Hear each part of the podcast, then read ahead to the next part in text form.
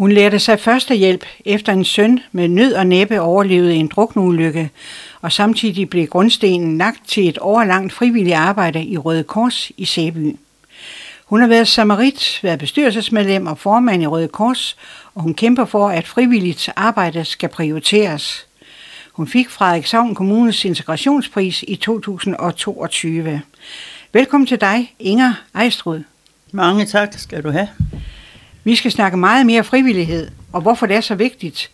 Men øh, er du stadigvæk frivillig selv, selvom du er gået på pension?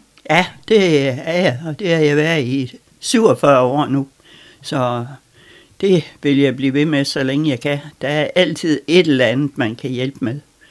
Der er nogen, der har brug for vores hjælp, men øh, de hjælper jo også den anden vej, så vi ikke bare sidder og sidder, fordi vi bliver pensionist. Så det har jeg tænkt mig at blive ved med, så længe jeg overhovedet kan være med. Ja. Inger, hvad er baggrunden for din kamp øh, for at yde en frivillig indsats?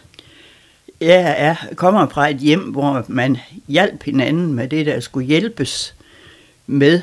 Og det var en selvfølge, at var der nogen, der har brug for hjælp, så hjalp man. Og det ligger nok så dybt i, i mig, så at det er noget, jeg har med hjemme fra mine forældre. Det er noget, du vægter højt. Ja, det er det. Vi skal også lige lære dig lidt bedre at kende. Jeg har for eksempel aldrig mødt dig før. Men øh, hvis du skulle beskrive dig selv, Inger, hvad er det for en person, der sidder lige over for mig? Øh, det er en person, som gerne vil øh, fortælle, øh, hvordan livet kan være, og hjælp der, hvor der er hjælpbehov. Og ja. En humoristisk person, der har ja. store armbevægelser, stort hjerte, eller, eller hvordan er du? I hvert fald et stort hjerte. Jeg tror ikke, jeg har store armbevægelser. Men øh, jeg vil gerne, at øh, folk de respekterer det, jeg siger, men jeg vil også gerne hjælpe der, hvor der er brug for hjælp. Det øh, har jeg gjort nu i rigtig mange år. Det... Du er født i 1944 i ja. Præstbro. Ja. Ja, øh, min mor og far var ikke gift på det tidspunkt, så min mor hun boede hjemme hos mine bedsteforældre på Sønderhytten, og der tilbragte jeg så mine første to år. Jamen var det ikke meget usædvanligt dengang, at, at man fik børn, inden man blev gift? Jo, men uh, jeg er et krigsbarn, og der skete jo så meget dengang, så det, ja, så jo, det var ikke lige dengang, at, at de skulle giftes. Så Nej. Jeg har aldrig fået forklaring på, hvorfor ikke de blev gift. Det var sådan, at min mor, hun var øh, pige i huset på den gård, min oldeforældre havde, og der var min far jo selvfølgelig. Øh, der manglede en generation ind imellem på grund af tuberkulosen, som havde taget begge børn i hjemme, som min far var ikke mere end seks år, da han mistede sin mor. Og resten af sin barndom, der har han været i uh, sin bedsteforældres hjem sammen med sin søster Lis. Og uh, de har et rigtig godt hjem der. Og det byder jo sig selv, når der mangler børn, så bliver de måske endnu mere forkælet. Og det tror jeg helt bestemt, min far han var. Det, øh, og du boede også først hos dine bedsteforældre sammen med din mor. Ja. Hvordan gjorde du det? Det gjorde jeg i to år. Og så var, havde mine oldeforældre, de havde solgt ejendommen øh, Klemmen op i Baske her, og var flyttet til Syvsten, og der var der en lejlighed ledig ovenpå. Den fik mor og far og jeg så, og de blev gift. Og så boede vi sammen med mine oldeforældre. I Syvsten? I Syvsten, ja. Der var en lille dramatisk ting, øh, som er noget af det første, du husker fra din barndom. Ja, øh, de havde lige fået ny skorsten øh, på øh, huset i Syvsten, og øh, der lå selvfølgelig en masse mursten og sådan noget dernede. Det var altså så heldig ikke at opdage, men øh, jeg var sådan en bitte toårig, som skulle se, hvad der skete ude på vejen. Og jeg startede med at kravle op i vinduet og åbne den nederste haspe. Og så den øverste bagefter, og så fulgte jeg jo automatisk med ud fra første sal.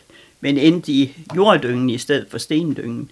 Det jeg kan huske, det var, at min far han kom og øh, bar mig ind, lagde mig på køkkenbordet, og så kom oldefar og, og ville trøste mig, og så ville han hente den allerstørste is, han kunne få. Og det var jo så en, øh, et krammerhus til 50 øre, som han kunne få ind i naboens uh, ishus. Så, så du fik seks skæld ud? Nej, det havde vi ikke tid til, for jeg skulle spise is. så det var sådan, det var. Men det er sådan set det første, jeg kan huske. Jeg har været, ja, måske to og halv år dengang. Det... Prøv at fortælle lidt om dine forældre. Først din mor. Øh, min mor, hun var jo så ud af en børneflok på 15, øh, hvor hun var, øh, ja, hun var nok nummer 8-9 stykker, tror jeg.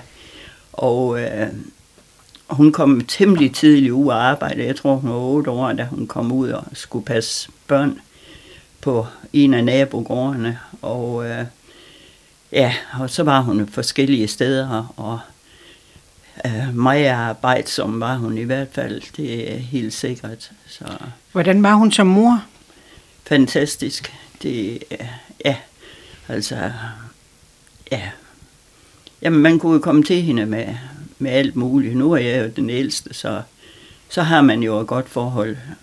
På, I starten skulle jeg jo ikke dele hende med nogen heller, bortset fra de voksne. Så.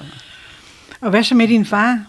Min far, jamen, uh, han var sådan en rigtig humørfyldt mand. mor, hun var mere stille i det, og hun var ikke så meget for at komme ud mellem andre mennesker, men øh, far, han, øh, ja, lige til det sidste, der var han en mand, der gerne ville opleve livet, og ja, han uh, sluttede sådan set med at skrive sin livshistorie, fordi den skulle børnebørnene have, og den øh, skrev han først i hånden, så på maskinen, og så blev vi enige om, at vi måtte hellere få den på computer. Så.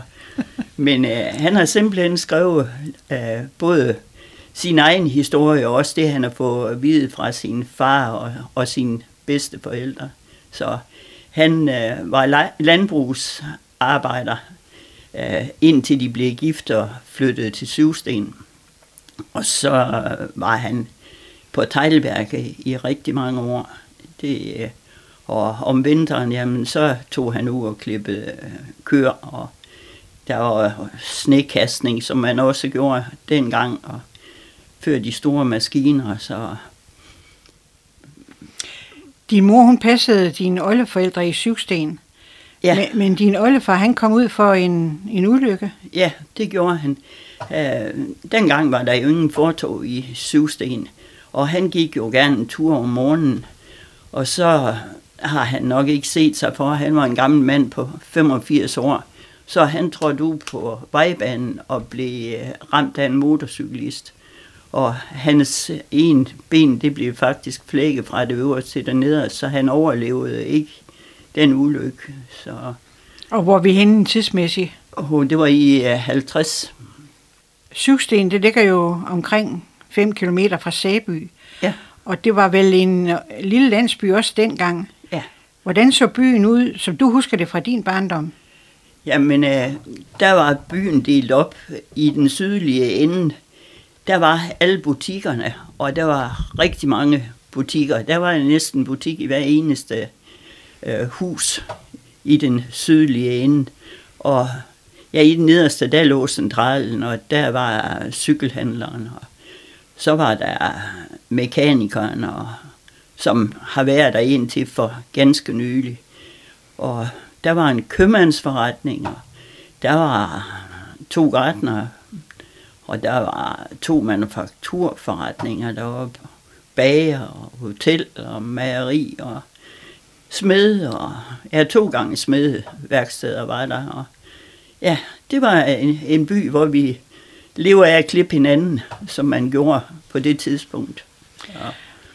Sådan er det jo så ikke med de små landsbyer i dag. Der dør forretningslivet jo ja, utrolig der er, meget.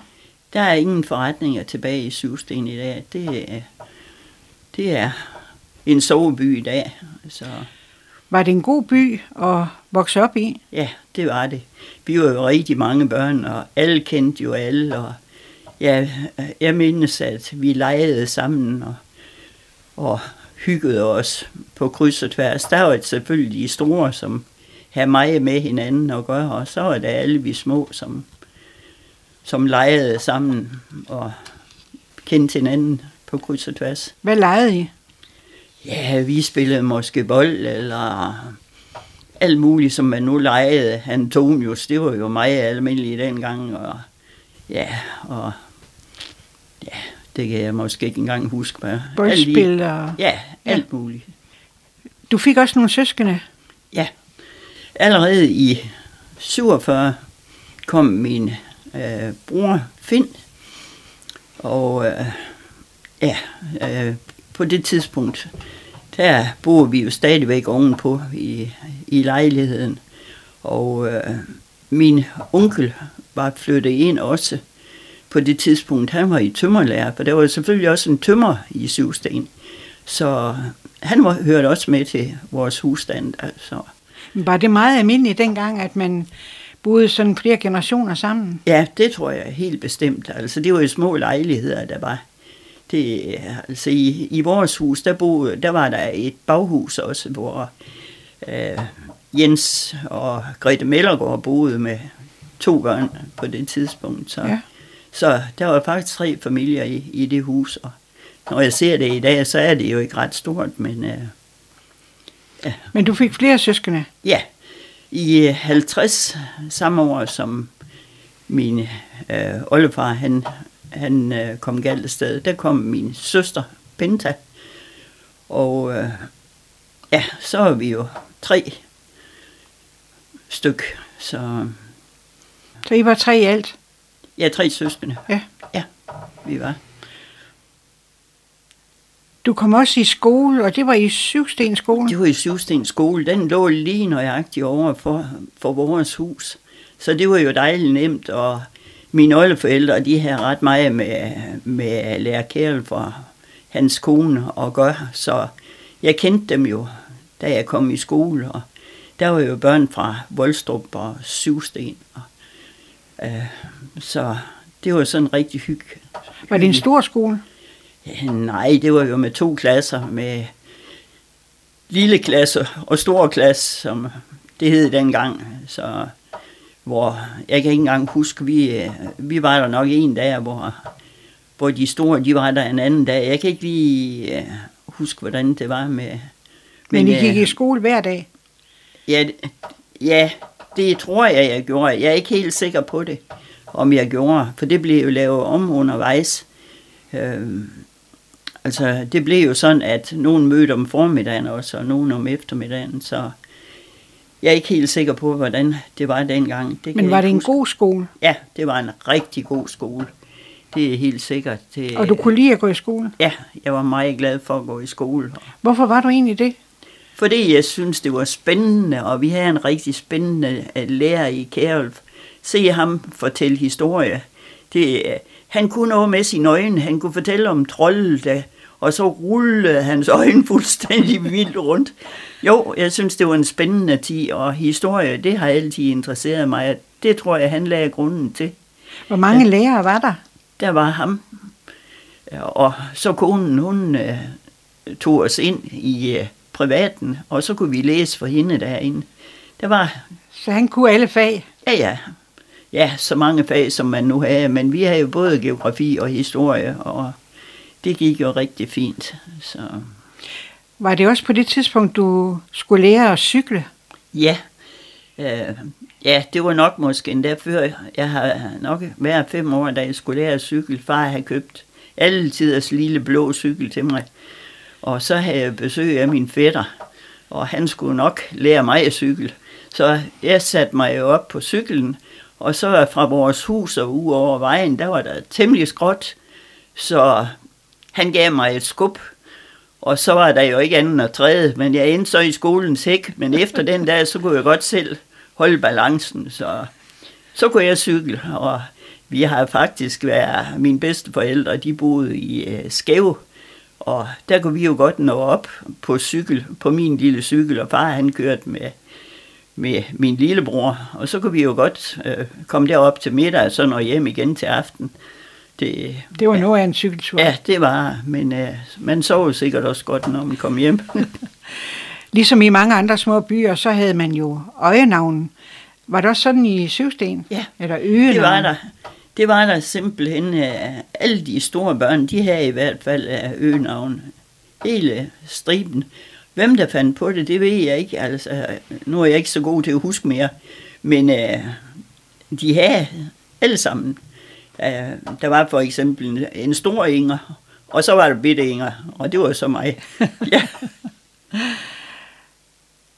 På et tidspunkt, så flytter I til en slagterbutik. ja. Var det også i Syvsten? Ja, det var også i Syvsten. Ja, øh, far han øh, øh, spillede kort en gang om ugen, og øh, sammen med min faster og øh, onkel, og så øh, slagteren i Syvsten. Slagteren han har lige overtaget butikken igen efter en tvangsauktion. Og øh, de øh, var blevet enige om en, øh, på en kort aften, at nu måtte far hellere købe den forretning der. Og, øh, Det var ikke sådan, han vandt det kortspil. Nej, han måtte sørge med købe den for 28.000.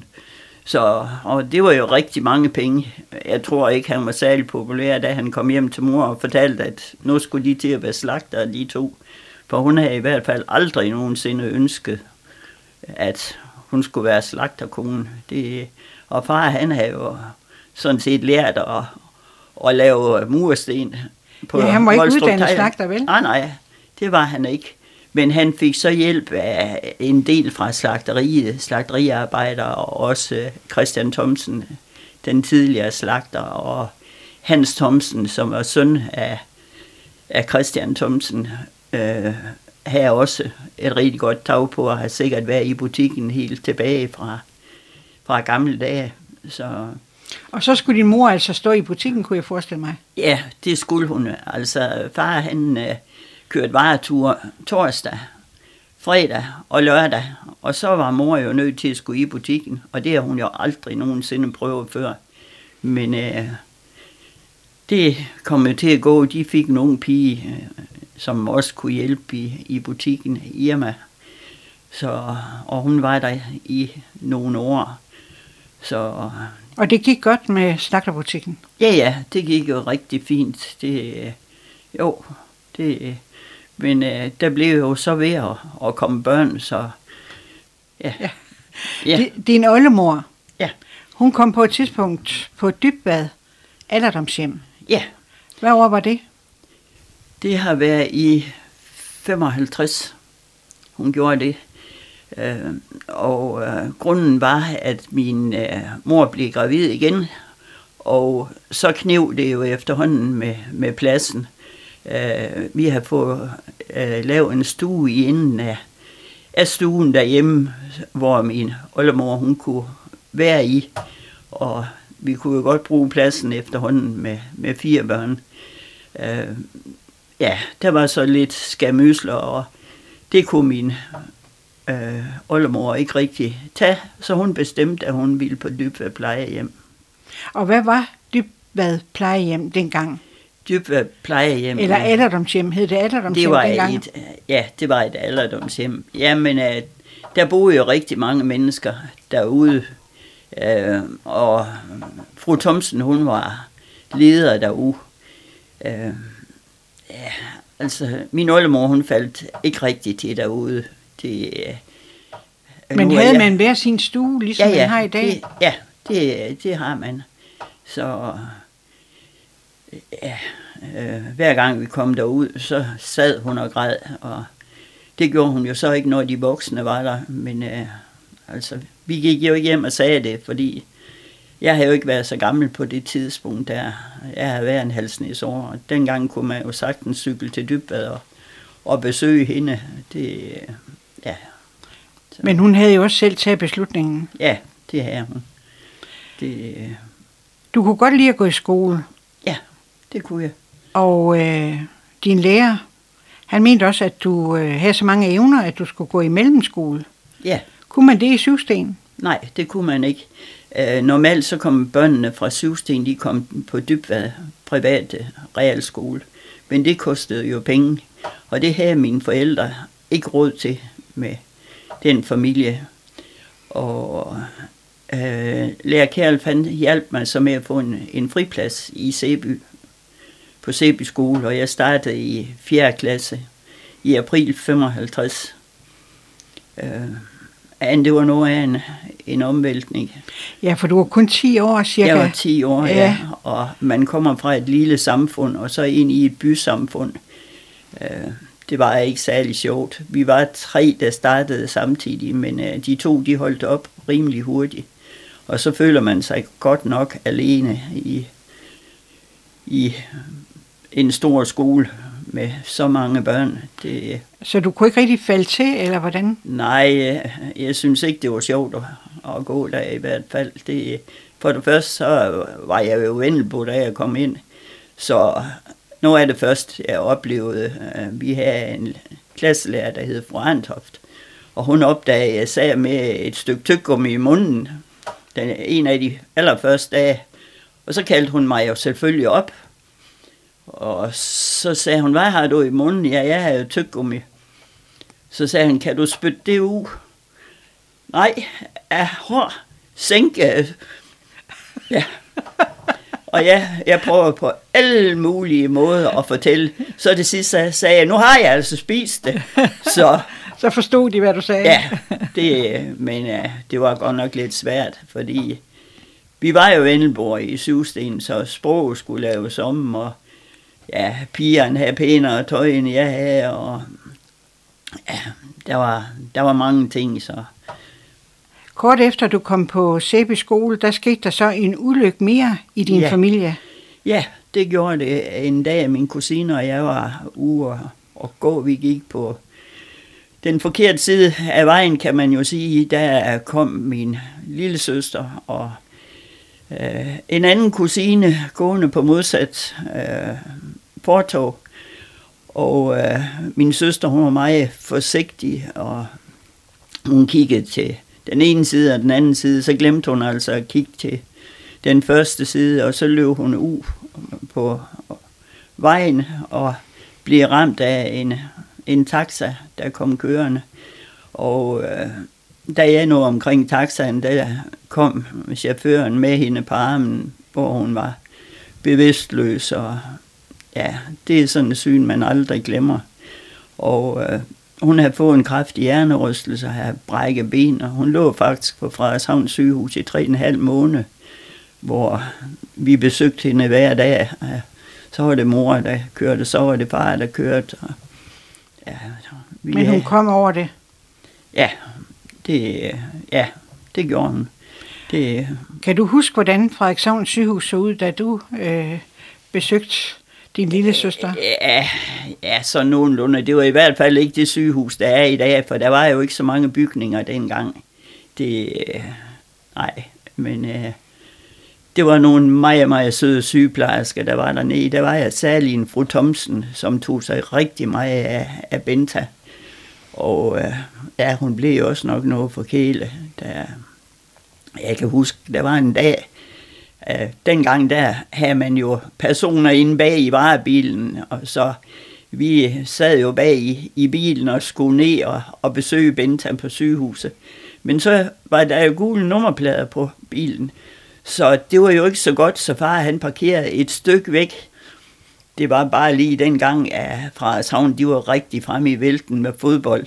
Så han var kommet til at holde ind imellem alle de biler, der var til fodboldkamp. Så det var ikke, det var ikke særlig godt, men vi listede bagom hjem, så ja, det var sådan, det var dengang.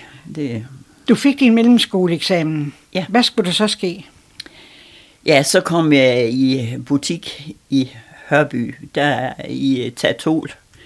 Øhm, det var en butik, hvor vi havde købmandsvarer, og der var Tatol med alle de der forskellige ting, som øh, parfumeri og legetøj og alt muligt. Så er der tapet, farvehandler også. Og øh, det var sådan en hyggelig lille butik ved øh, Åge og Sedonia Madsen i Hørby. Og øh, kort tid efter jeg var startet, der købte de naboejendommen. Det var en manufakturforretning, så blev butikkerne lagt sammen. Så Så jeg var med der i, i godt et år, halvanden. Øh, ja, det, Hvad fik du ellers tiden til at gå med som ung? ja, altså. Jamen, øh, håndarbejde, det øh, var i hvert fald noget af det, jeg synes var spændende. Det, øh, så gik vi til nogle baller, og, ja, som man nu På gjorde dengang. Syvsten Kro? Syvsten Kro og Dybberg Kro og Hørby Kro og ja, de steder, som, som der nu er fest. Øh, Den aften er flyet faldt ned med, med øh, fodboldspillere. Det var lige nøjagtigt på min fødselsdag den 17. juli. Øh, der havde vi faktisk aftalt, at vi skulle til Hallund. Jeg har aldrig været på Hallund Kro til bal. Men øh, alt blev jo aflyst den aften. Så... Og hvad år var det?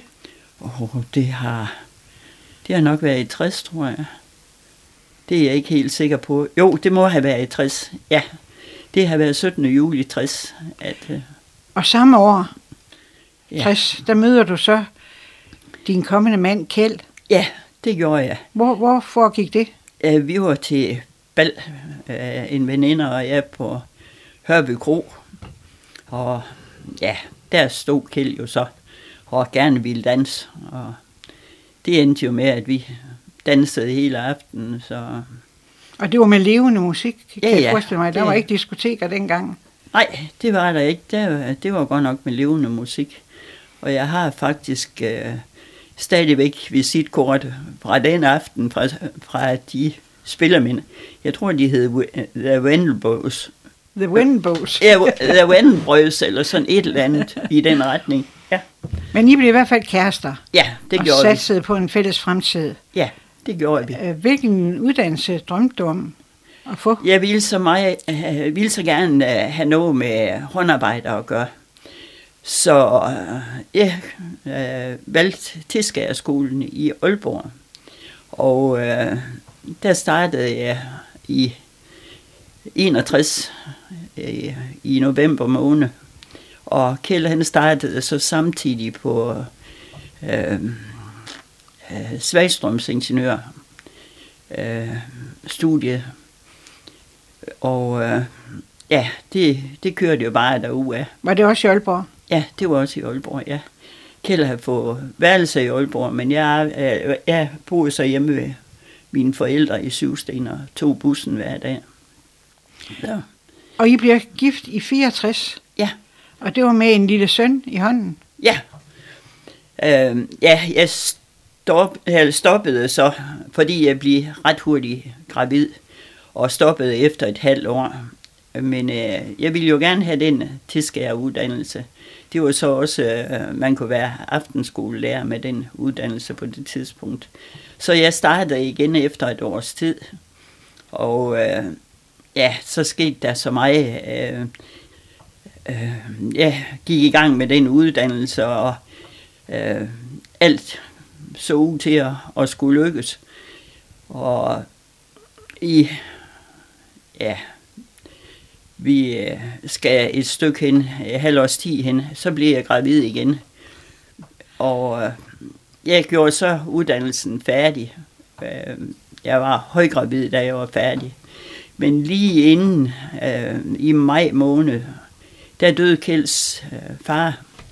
Han var installatør i, i Hørby, og øh, han var til en konfirmations, en efterkonfirmationsfest øh, på en af de store gårde uden for byen, og faldt så om efter at have holdt en tale for konfirmanden.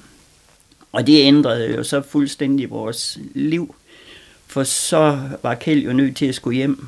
Øh, han var uddannet hjemme ved sin far, så var han jo nødt til at skulle hjælpe moren med at, at få Og drive forretningen. ja, få firmaet kørt videre. Så, Så han droppede sin ud- uddannelse. han, han stoppede, ja. Så, ja, og ja, så gik det jo ikke værre end bedre.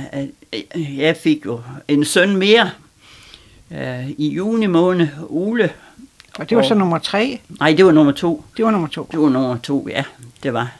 Øh, og øh, vi var blevet gift lige, lige inden faktisk, at svigerfar han døde. Øh, i sommerferien, der var Kjell ude at køre, og så kørte han galt.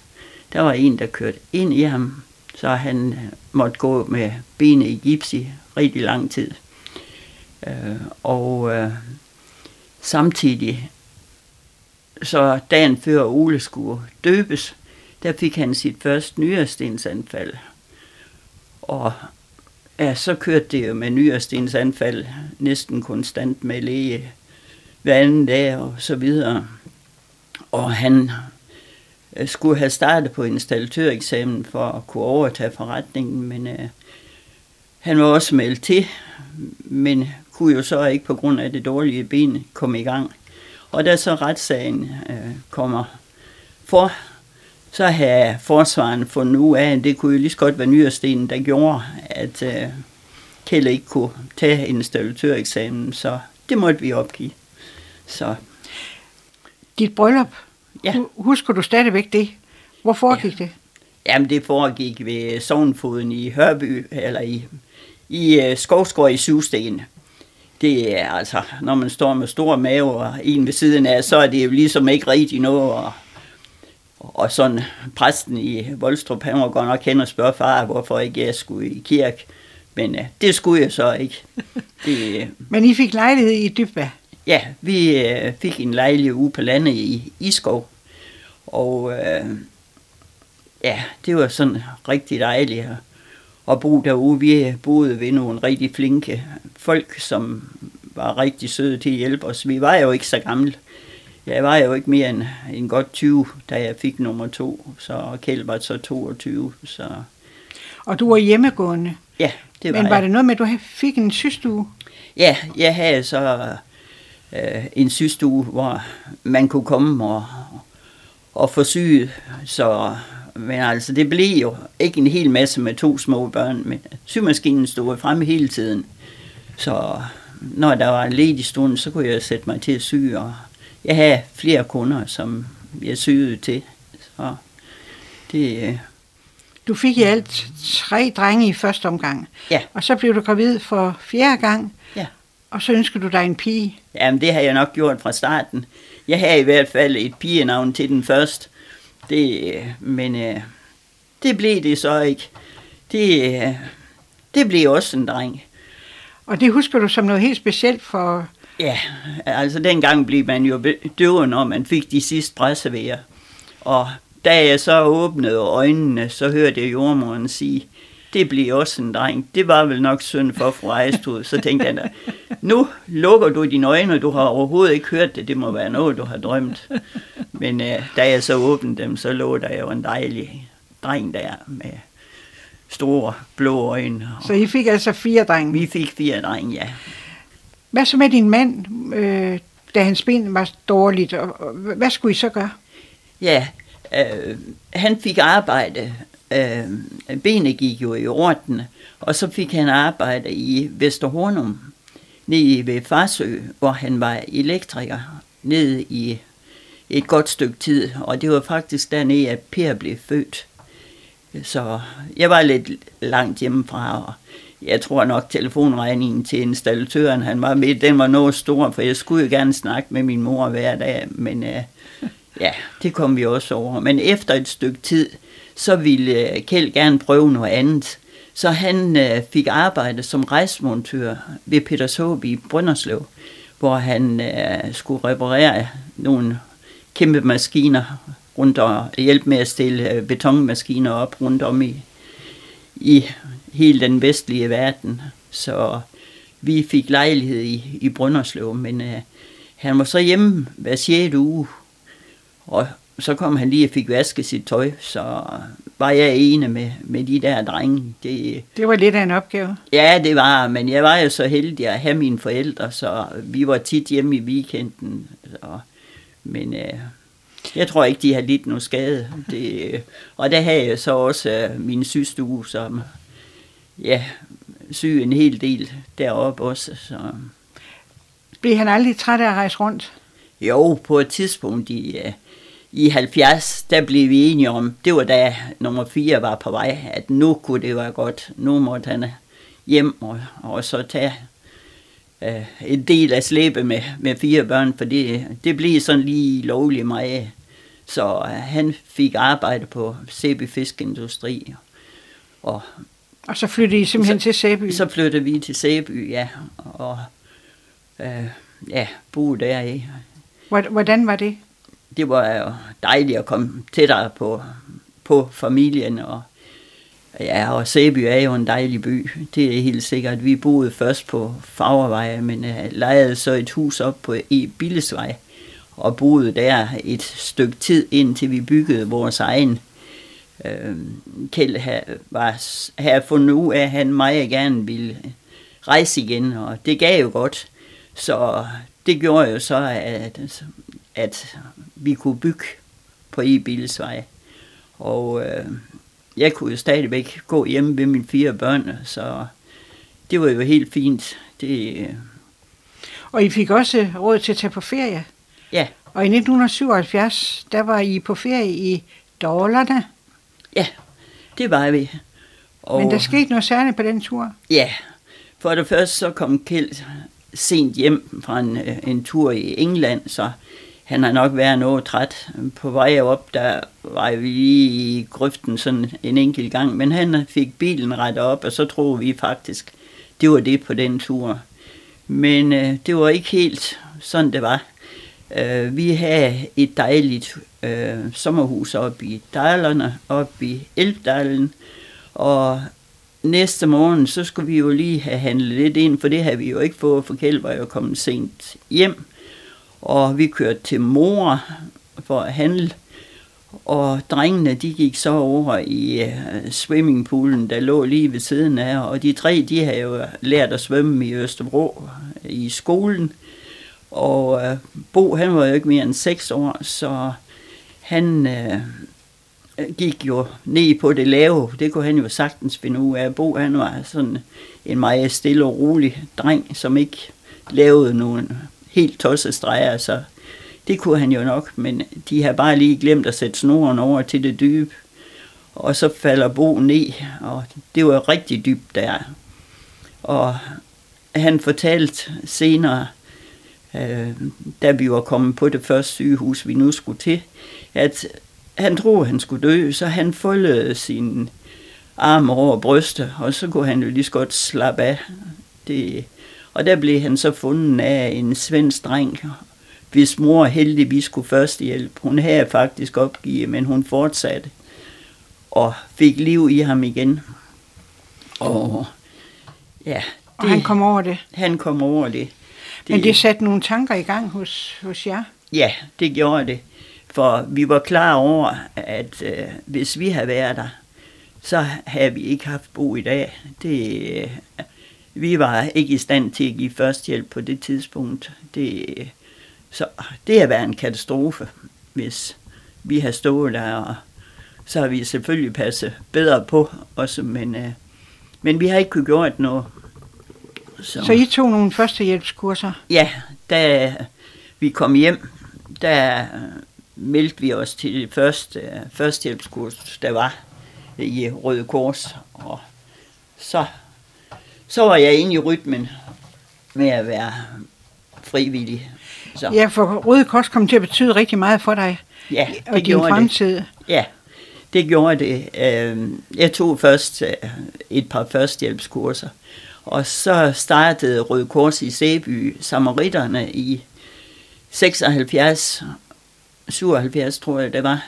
Og hvad betyder det at være samarit? Det betyder, at man øh, tager ud på vagter Øh, for eksempel øh, var vi i Lundkop, og vi var også i Forup Sommerland som samarit, hvor vi, vi stod i samaritvagten og kunne hjælpe dem, der trængte til hjælp. I mange år var vi til Lundkop, hvor der var børn fra Afrika og nogen fra Østen og fra Europa og Sydamerika og Ja, og der sker jo altid noget ved håndboldstævne. Så, så det var noget med at sætte plaster på? Og ja, ja. Der var førstehjælp, hvis der var brug for første det? Førstehjælp i det hele taget. Det, og ja, vi var rigtig mange steder, og vi var også med på landsøvelse rundt om. Hver anden år var der landsøvelse på det tidspunkt, og det tror jeg faktisk stadigvæk, der er. Nu siger du vi. Var det både dig og din mand? Nej, det var kun mig. Det var øh, Bo, han, øh, da han blev gammel nok, der blev han også samarit. Og øh, han blev faktisk førstehjælpsinstruktør også. Og startede samaritterafdelingen. Øh, den lå død i Aalborg på det tidspunkt, men han øh, flyttede til Aalborg og øh, fik startet den op igen i Aalborg. Og den eksisterer stadigvæk derude, så jo. Og du har været aktiv i Røde Kors i rigtig mange år. Ja. Hvor siden, mange? Siden 76 har jeg været, været aktiv, så i år der er jeg 47 år, at jeg har været aktiv. Så. Men siden 1999, så har du også været aktiv i, i flygtningeaktiviteten. Hvad er det? Flygtningeaktiviteten, det, er, det var sådan i øh, 2000, der skulle kommunerne øh, tage sig af de flygtninge, der kom, kvoteflygtninger. Og øh, så kunne vi jo se i Sæby, at der var et behov for at, at starte en aktivitet op. Øh, vi startede i, i 99, hvor øh, Ruth Christensen blev aktivitetsleder. Og øh, jeg gik så sammen med hende, og vi har arbejdet sammen sen, øh, siden. Og øh, i, øh, vi har 20, 25 frivillige øh, fra 99 og så til midt i 2000. Men ingen flygtninge. Og så er det jo lidt svært at holde på de frivillige, men øh, vi har kurser, og ja, vi lavede en masse ting. Men i efteråret øh, 2000, så kom der fra Afghanistan og ja, mange forskellige, jeg tror vi fik 75 på én gang, hvor vi var med til at tage imod dem, og øh, vi var med ude i lejlighederne og hjælpe dem i gang øh, derude og fortælle dem lidt om, de var jo ikke vant til elektriske komfurer eller vores toiletter eller øh, alt muligt forskellige kunne vi hjælpe dem med, og dagen efter de var kommet, så var der nogen, der hjalp dem med at, at finde ud af, hvor banken lå, og apoteker og biblioteker, og hvor de billige steder var, de kunne handle, og nogen kom til Torshøj, og nogen kom til Østervrå, og nogen kom til Hørby og Sæby. Så vi øh, fik jo pludselig travlt. Og det var det, I som frivillige skulle hjælpe til med? Ja, det var det, vi påtog os. Men øh, så blev der også lavet lektiecafé. Øh, de ville jo meget gerne øh, lære det danske sprog, og øh, der er så noget som øh, et øh, billedlotteri. Det er jo fantastisk, man kan snakke omkring forskellige ting. Øh, tage kvinderne med ud i køkkenet og fortælle dem, hvad de forskellige ting hedder, og snakke om det. Og, øh, vi laver også en familiecafé, hvor man kunne mødes, og der blev lavet en kvindecafé også. Så vi havde rigtig travlt dengang, og vi var rigtig mange frivillige også til at hjælpe.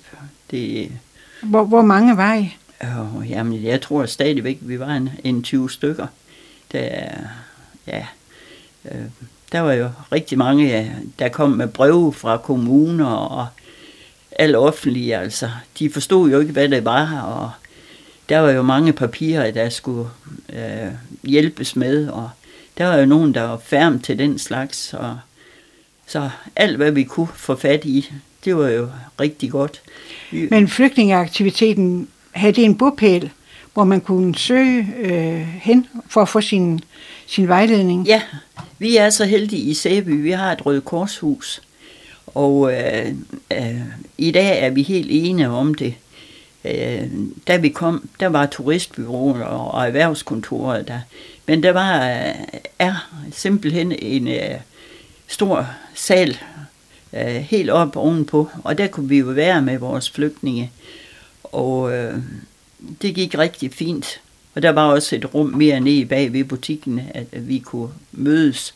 Så det gik rigtig fint. Og så var vi også oppe i øh, uh, SID, der fik vi også lov at være med vores kvindeklub.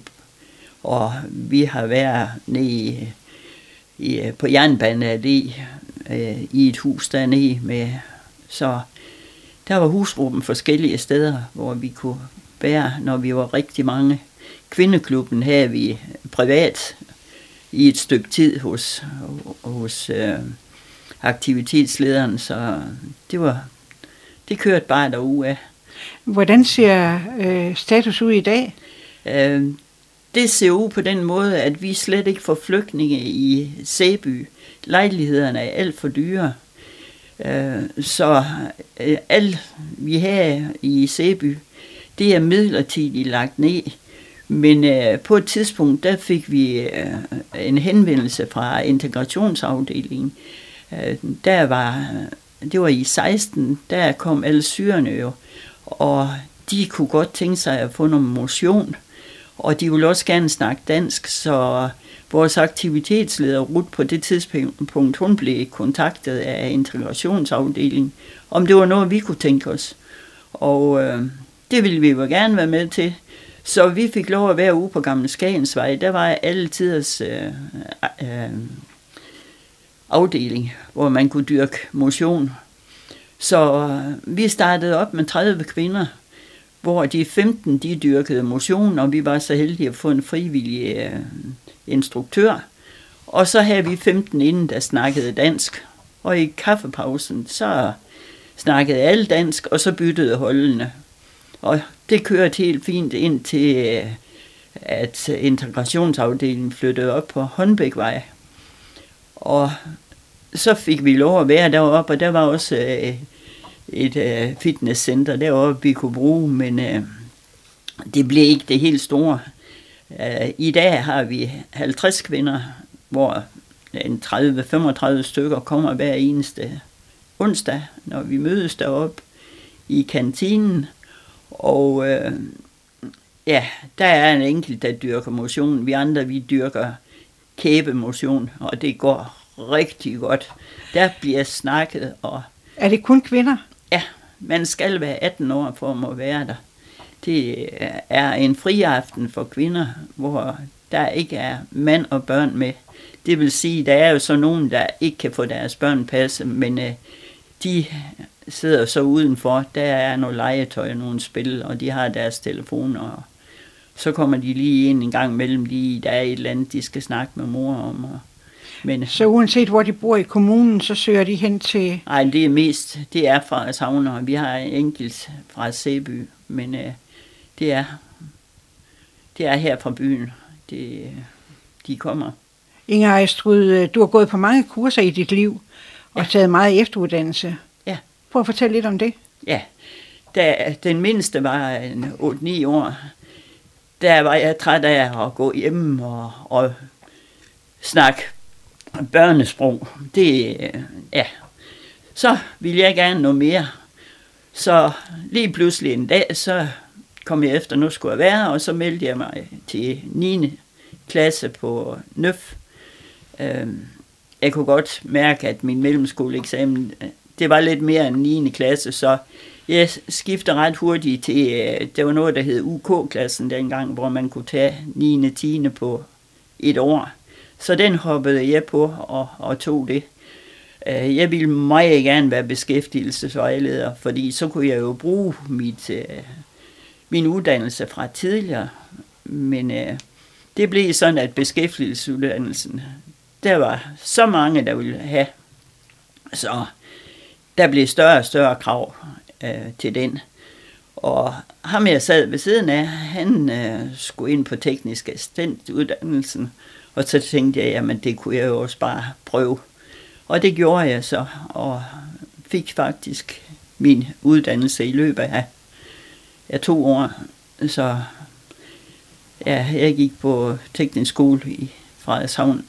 Det kan man sige en voksenuddannelse. Det var en voksenuddannelse, ja, for jeg er været en 37 år, tror jeg, på det tidspunkt. Så jeg tog øh, 10. klasse sammen med øh, Jan, den ældste af drengene, så vi kunne jo så hjælpe hinanden gennem lektierne, og det var jo rigtig fint. Og han havde i hvert fald også tag på. Så.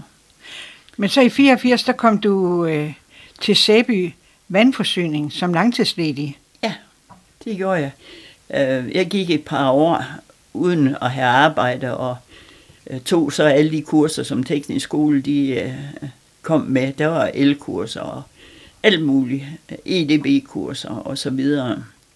Og samtidig så startede jeg på teknonom- og merkonomuddannelsen. Altså, ja, man går i gang, så er man nødt til at holde sig assure med, hvad der sker.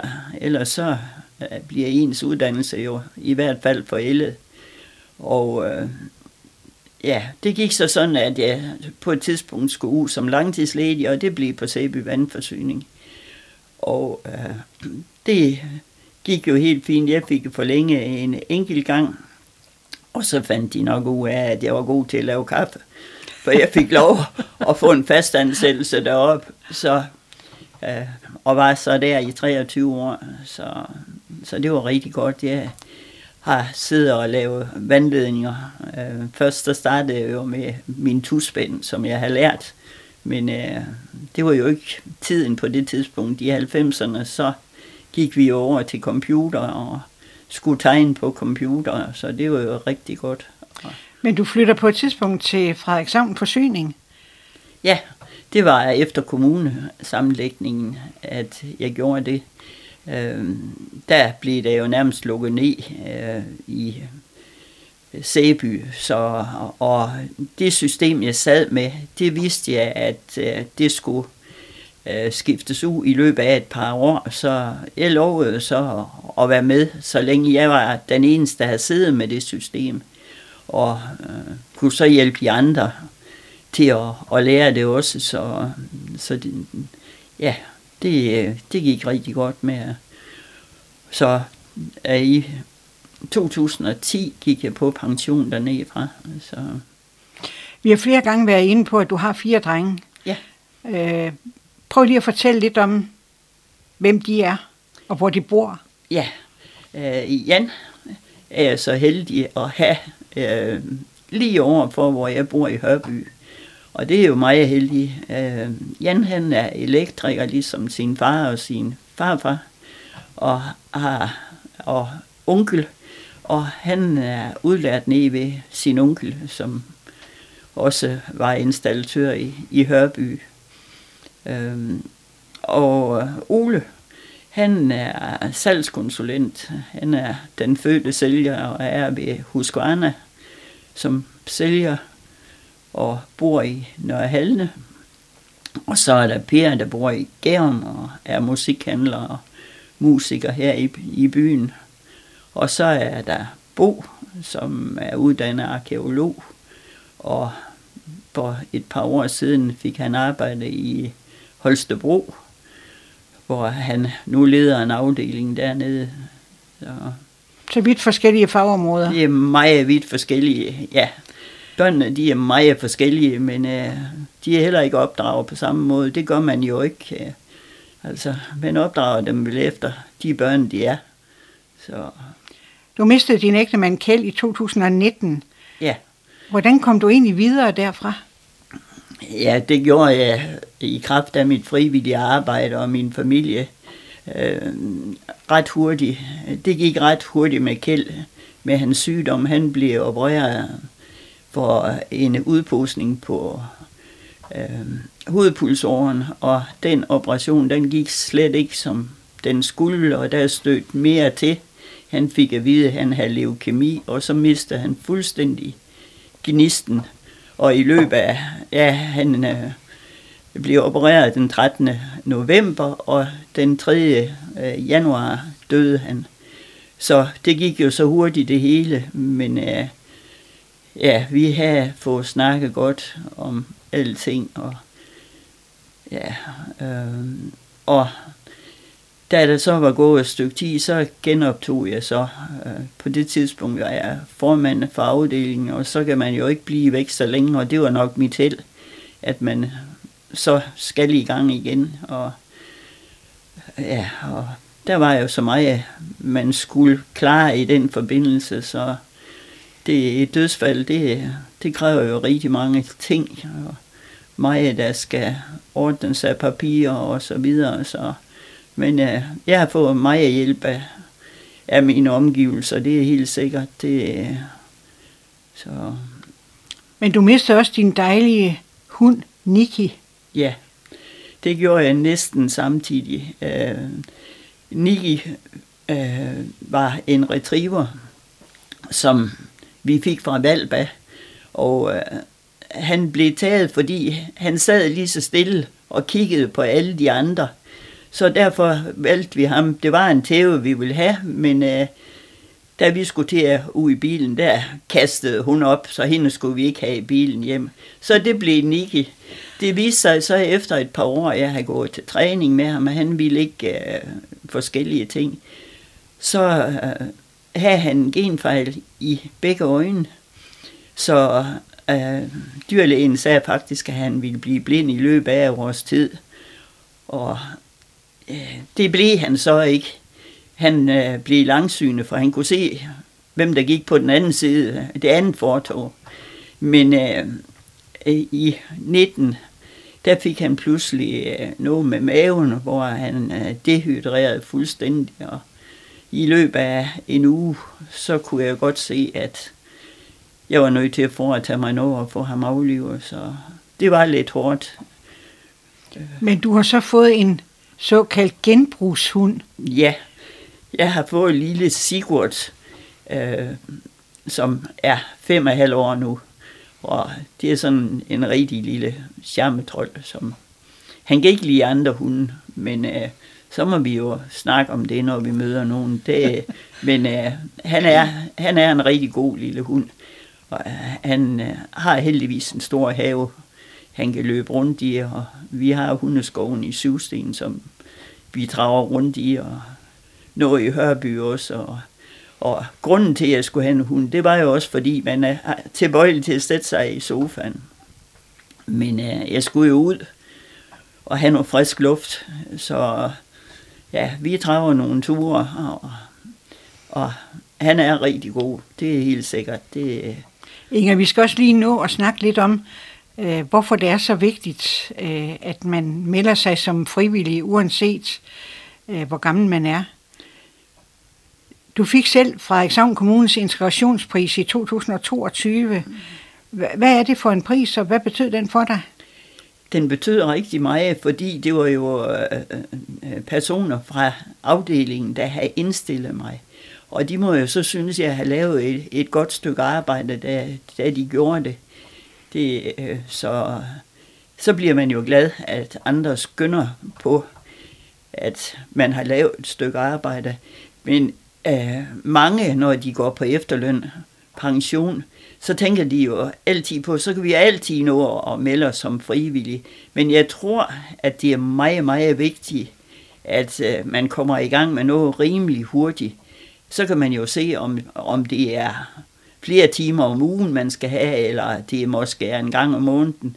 Men bare det, man kommer ud imellem andre mennesker, og øh, at give noget til andre, det giver jo også den anden vej det, øh, altså, give ens tid, det betyder noget for nogle mennesker, og hvis de bliver glade og sender en et smil, så synes jeg, det er belønningen i sig selv.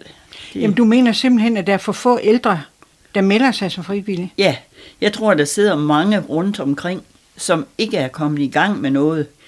Og, så sent som i går, hvor jeg var til 75 og 70 års fødselsdag i Syvstenhallen, der blev der også fortalt, at frivillige arbejde, det kan forlænge vores liv. Og det tror jeg altså på, det positive i øh, ens livssyn, det tror jeg simpelthen øh, betyder rigtig meget. Jamen, hvorfor har et samfund som vores øh, her i 2023 brug for frivillig arbejdskraft? Altså, der mangler jo varme hænder overalt. Og det er jo både unge og ældre i dag, øh, man siger, der er ensomme. Jeg tror mange gange, at det er computer og telefoner og alt muligt. Vi sætter os ind i et hjørne med vores iPad og telefoner og, ja, og kommer ikke ud og snakker med andre mennesker. Det tror jeg betyder rigtig meget, at man har den personlige kontakt. Det... Ja, det er for dig personligt, men hvorfor tror du som samfund, det er nødvendigt? Jamen, ja, vi har jo ikke øh, de ressourcer til det øh, arbejde, der skal udføres i dag. Og øh, ja, kommunerne, de søger jo også frivillige til deres plejehjem og så videre. Og det er vel fordi, der ikke er ressourcer til, at man kan dække det behov, som øh, øh, ensomme mennesker de har. Det øh, vil jeg sige, det betyder rigtig mange, øh, rigtig meget for rigtig mange personer. Inger, vi skal også til at runde af. Øh, du har været pensionist siden 2010. Ja. Hvordan ser din pensionisttilværelse ud lige her nu? Åh, oh, jeg var ved at tælle i min kalender. Jeg har 21 aftaler den her uge, øh, måned, så ja, så ja. Familien, de plejer at sige, at de skal bestille tid, hvis de øh, skal være sikre på, at jeg er hjemme. Og når jeg kommer hjem, så har jeg en lille hund, som kigger på mig. Nu har du været væk så længe igen. Ja, men øh, det kan da godt være, at jeg med min alder skal til at, at, at, øh, at trække lidt ned. Det er da muligt, men øh, jeg tror, jeg vil fordøje med øh, at, at klare mig, hvis jeg skal af med noget af det. Nu er jeg jo med i frivilligcenterets bestyrelse, og jeg er også med i integrationsrådet, så men øh, jeg synes, det er spændende, og der er en masse udfordringer i, i de ting, jeg har med at gøre.